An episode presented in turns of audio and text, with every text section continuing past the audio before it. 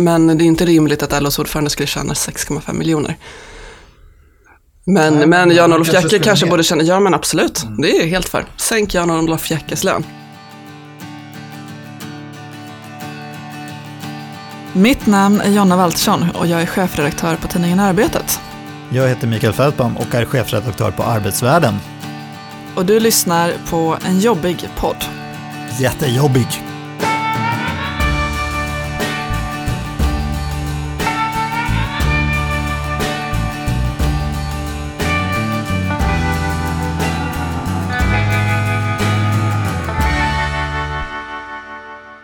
Du Mikael, jag har en, jag har en fråga till dig. Eh, det är viktigt att du svarar rätt här. Man, kan, man skulle kunna säga att eh, stämningen i det här rummet kommer påverkas radikalt av vad du svarar. Det ska bli jättespännande Jonna, för du har ju på, påat den här frågan, men du har inte avslöjat vad det handlar om. Nej, då undrar jag, är du team Ranelid eller är du team Språkrådet? Oj, jag har faktiskt inte koll på den här frågan, men jag är förmodligen team Språkrådet. Ja, jag vet och då blir jag så himla arg. Jag kommer välta bordet och springa ut härifrån. Domreformen, Språkrådet vill ju ha en domreform. Ja, det är jag nog emot. Ja, bra, tack. Då kan vi fortsätta podden och prata om det vi borde prata om. Eh, skönt att du också är team Men vad spännande, men eh, eh, jag har inte funderat djupare över den här frågan, men varför är du emot? Jag är bara spontant emot. Ja, men jag, och jag tror att jag är lite konservativ i den här frågan. Eh, Ranelid upplever att det är ett eh, intellektuellt förfall om man skulle införa en dom, domreform. Och ett, Folk inte längre skulle kunna skilja på subjekt och objekt. ja, liksom. men precis, det får man väl bara lära sig, eller? Det är många som aldrig gör det. Jag tycker att det hör till en god utbildning att man lär sig det. Men det kanske gör mig till en eh, konservativ farbror. Vad vet jag? Och där har vi satt tonen för den här podden. I mars, det betyder att avtalsrörelsen intensifieras. Det kommer nyheter som tangerar det här på lite olika sätt. Senast i fredags så sa ju facket eh, nej till Opos eh, förslag om avtal på tre år. Någon gång i nästa vecka kommer vi också kunna vänta oss en, en hemställan. Ehm, men Hemställan Jonna, vad är det för någonting? ja, alltså ett, en avtalsskiss en till det- skiss. En till skiss, en ny skiss, eller ett förslag på, vad heter det, slutgiltigt avtal. Eh, ska kommer både längd och så kommer det nivåer på lönerna. Ja Är men så? precis, och det intressanta det är väl det vi alltid försöker få fram, siffrorna. Mm. Eh, alltså vi, att, som vi försöker fram, få fram som journalister. Eh, och är det som eh, de brukar vilja sitta och hålla på. Men det är väl det vi kommer försöka jaga fram i, i nästa vecka. Ehm, men, men i och med avtalsrörelsen så tyckte vi på arbetet att det var spännande att titta på lönerna hos de som har makten över, över de här löneökningarna. I toppen ligger, det kanske inte är helt oväntat, men Svenskt Näringslivs VD Jan-Olof Jacke, eh, han hade 2021 en årsinkomst på 6,5 miljoner kronor rätt eh, välbetald får man väl lov att säga. Det, är ju, det motsvarar en månadsinkomst på eh, 545 000 kronor. Eller om man vill, vill eh, vad heter det, formulera det på det sättet, 16,4 industriarbetarlöner. Um, Tvåa på listan det är Teknikföretagens VD Claes Wåhlberg eh, som samma år hade en inkomst på 4,9 miljoner kronor. Så det är åt, återigen eh, rätt, rätt eh, välbetalda eh, personer som, som sitter och förhandlar löner och villkor nu under, under avtalsrörelsen. Hur ser det ut på facksidan då? Ja, precis. Det, det är man ju också nyfiken på då. Och då är det så att Unionens förhandlingschef, Martin Westfeldt, är den som har den, den högsta inkomsten eh, av de som vi har tittat på i det här då. Han, han hade då en inkomst på knappt 2 miljoner kronor. Eh, och då kanske man undrar vad LOs ordförande eh, hade för inkomst samma tid. Eh, och eh, hon tjänade då, eh, Susanna Gideonsson tjänade ju då 1,5 miljoner kronor. Så att det, är- det är välbetalt men eh, en rätt stor skillnad om man jämför med vad näringslivstopparna tjänar. Just det, Eh, Susanna Gideonsson tjänar väl 3,7 industriarbetarlöner? Eh, Precis, hon har 3,7 eh, men, men det gemensamma beslutet på LO det är att man som LO-ordförande ska tjäna 3,5. Men sen så eh, kompenseras hon ju för resor och sådär. Just det, kanske sitter i någon styrelse också. ja men precis. Eh, Så så. inkomsten blir motsvarande 3,7. Ja, ja precis. Just det, jag vet faktiskt inte vad den genomsnittliga Unionen-medlemmen tjänar om man skulle titta då på Martin Westfeldts och ordförande Martin Linders löner. Mm, nej, men precis, på. det, det, ja, men precis det, det blir man ju nyfiken på, men jag gissar inte 2 miljoner kronor om eh, året. Då känner man ju ändå väldigt, väldigt bra. Men sen kan man ju då också fundera på så här, hur är det här ett problem? Jag menar, det här är personer med jättestort ansvar. Ska de inte få ha en, en här, härlig lön? Eh, Vad tycker du då, Jonna? Ja, vad jag tycker? Nej, men jag, jag eh, tycker att 6,5 miljoner kronor är väldigt, väldigt mycket pengar. Eh, och, och jag tycker att, eh, eller jag förstår om det här eh, framstår som väldigt provocerande. Eh, om du har en väldigt, väldigt låg lön. Eh, jag kan, eh, tycker väl att det är smart att som eh, LO gör, att man har, att man har ett principbeslut som säger så här, men du ska tjäna så här mycket. Det är högre än vad en industriarbetar, eh, industriarbetare tjänar, men, men eh, det är väl också rimligt eh, giv, givet det ansvar du behöver ha eh, som ordförande för, för eh, den här centrala organisationen. Ja, det, man kan, det man undrar då är ju så att tappar de kontakten med verkligheten och Mm. vad folk behöver för inkomster om man tjänar på de här nivåerna. Det är väl det som är kritiken, eller hur? Att man, Ja, här, precis. Och det är väl- förloras. Ja, och det är väl det som är, är risken, att, att det uppfattas som det, framförallt nu då när det är inflation eh, och väldigt många har svårt att få pengarna. Vad tänker era läsare då? Tycker de att man tjänar för bra? Eller, är de, eller man kan ju också resonera som att här, man måste ha de bästa personerna till de här förhandlingstjänsterna. Det är klart Ja. att de, då ska de få betalt för sitt jobb och för att de är de, de bästa förhandlarna. Ja, nej men precis, och det, eh, det, det kan man ju verkligen fundera på. Det, det Vad säger läsarna? snarare- Har de sagt någonting? Har ni fått några reaktioner? Nej, vi har liksom inte fått reaktioner så mycket på det här. Det, det jag tycker vi märker av mycket reaktioner på, det är ju eh, eh, kravet som man ställer i, i avtalsrörelsen eh, på, på 4,4 procent. Att man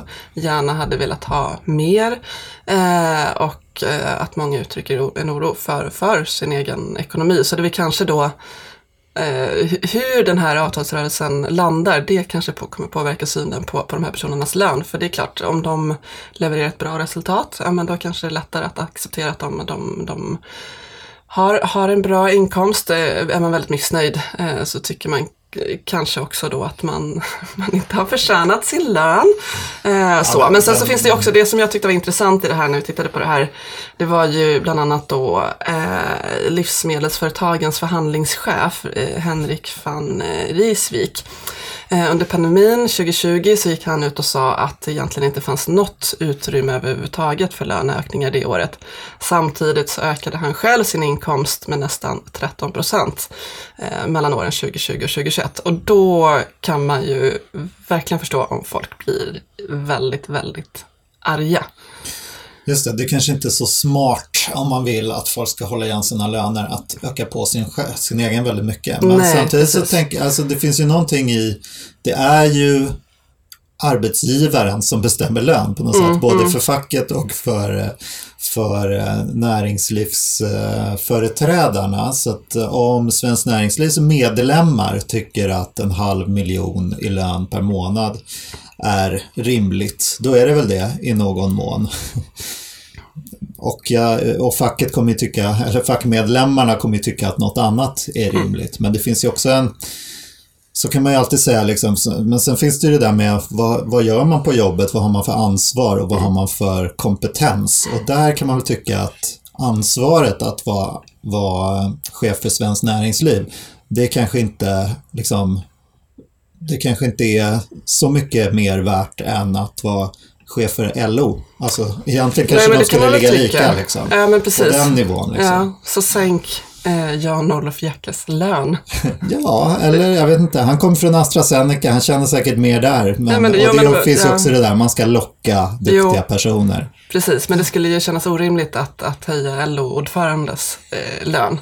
då, då tror jag man skulle få rätt mycket kritik just för, för, för risken att man tappar eh, markkontakt. Ja, men det är ju... Eh, för det, jag menar, det tycker man märker också på, på Almega i det här att de, de hävdar att ja, men nu man måste räkna med mindre köpkraft, eh, bekämpandet av inflationen går före allt annat. Eh, Eh, eh, de som har det sämre måste, måste få det sämst, under, eller liksom ännu sämre under en period.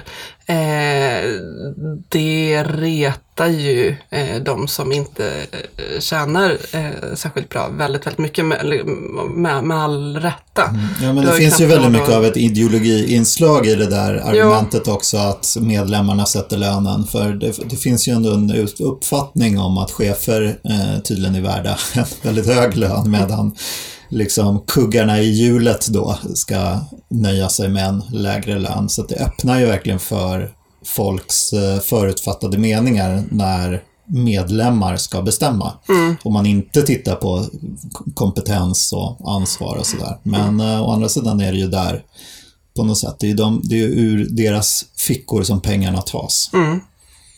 Så är det. Jag tänkte ju köra en liten snabb eh, sammanfattning av en glad och positiv eh, nyhet, vet jag inte om man ska säga, men ett glatt och positivt perspektiv på arbetsmarknaden. Oj, kul! Ja. Det är inte så vanligt. Eller hur? Nej, men så här lite grann att eh, man hör ju ofta de här krisrapporterna om att Eh, nu behövs det 400 000 personer till välfärden som inte finns. Nu behövs det 100 000 personer till näringslivet som inte finns. Den här stora, stora kompetensbristen. Mm. Som ju visserligen är ett faktum, men mm. om man ska se det från den ljusa sidan så nu när vi går in i en lågkonjunktur så finns det fortfarande ett väldigt stort behov av människor på olika poster, vilket ju kan bidra till att hålla uppe löner och hålla ner arbetslösheten. Eh, och kanske också spela in i, eh, i avtalsrörelsen på ett sätt. Och det är ju också så, eh, tänker jag att man ska hålla i minnet, att arbetsgivarna anpassar sina krav på arbetskraften. Alltså finns det inte utbildade människor så fyller man på med folk som inte är utbildade. Och det finns också en positiv aspekt i att vi faktiskt jobbar allt längre.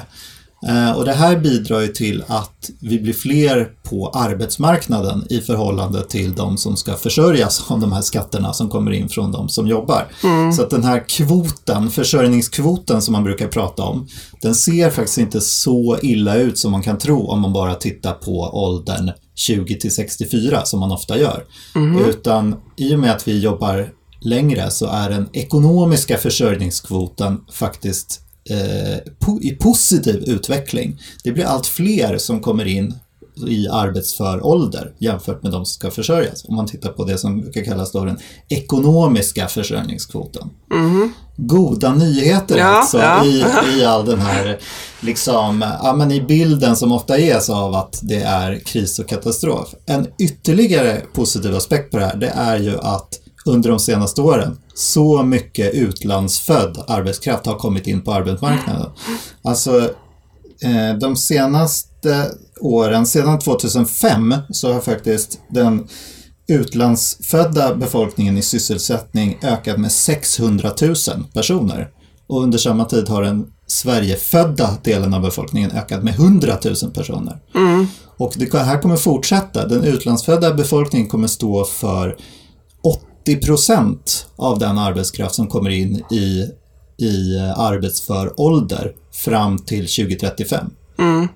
Eh, så det finns ett, och, och, och den här etableringstiden som det tar för, för att få ett jobb i Sverige har också gått ner drastiskt de senaste åren. Mm. Så visserligen har vi en och Vad handlar klyfta, det om då? Liksom. Det handlar om att det har kommit många mm. invandrare till Sverige och att konjunkturen har varit väldigt god. Mm. Men vad innebär det nu när vi går i, in i en lågkonjunktur? Eh, ja, det innebär ju att det finns Eh, alltså det både finns ett behov av arbetskraft och att det finns mycket, en del arbetskraft att tillgå. Kanske inte med rätt utbildning men att de ändå kommer att komma in på arbetsmarknaden förr eller mm, mm. senare. Det bidrar till att hålla ner arbetslösheten ändå. Mm. Trots lågkonjunkturen. Ja. Okej. Och jag ska säga också att det här är faktiskt något som, eh, det här är ett perspektiv som kommer lite grann från, eller som kommer från TCOs eh, utredningar. Så det är inte jag som har utvecklat Mm. Just det, här. men man har Så- tittat på hela, man hela kan titta på arbetsmarknaden. helheten på arbetsmarknaden. Ja. Det här är ju såna här eh, analyser som egentligen brukar komma från Arbetsförmedlingen, hur mycket folk man behöver på arbetsmarknaden. Och just att man skulle behöva mer arbetskraftinvandring egentligen. Mm. Eh, Eller mer folk från andra länder för att fylla på eh, folk i arbetsför ålder. Mm, nej, men det är jätte, jätteintressant. Eh, också om man tänker på, på den, den allmänna ba- debatten. kring- Ja, den som går i en helt annan riktning, att man ska Ja, ja. stänga gränsen Ja, och eh, liksom kasta ut folk. Men Mm. så här ser det ut då om man tittar på arbetskraften på, Mm. på riktigt så att säga.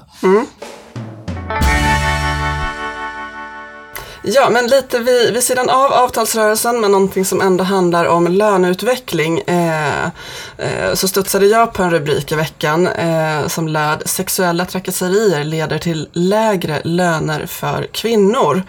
Eh, och det är en ny rapport då från forskningsinstitutet SNS. Det är alltså tre gånger vanligare för kvinnor att utsättas för sexuella trakasserier eh, på jobbet jämfört med män. Ehm, och och eh, det finns, de, här forskarna som, som har tagit fram den här, den här rapporten, eh, Olle Folke och Johanna Rickne, jag tror Johanna Rickne skriver för er på Arbetsvärlden. Hon gjorde det, skrev krönikor ganska länge. Ja, eh, de, har, de, de har sett eh, att det finns ett mönster för, för hur, hur sexuella trakasserier påverkar både yrkesval och lön. Eh, framförallt då för kvinnor, men faktiskt också till viss del för män. Eh, och det är att man avskräcks från att söka sig till arbetsplatser där deras kön är minoritet.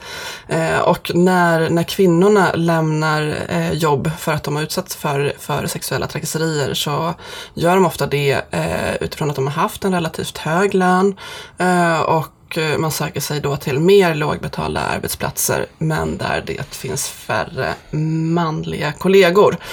Och i Sverige har vi ju en väldigt könssegregerad arbetsmarknad och det pratas ju mycket om normer kring val av yrke och eh, så. Eh, men det här är ju för jävligt. Alltså det är ju jätteilla att, att det är så. Det kan man ju verkligen tycka att det borde finnas mer, mer diskussion kring.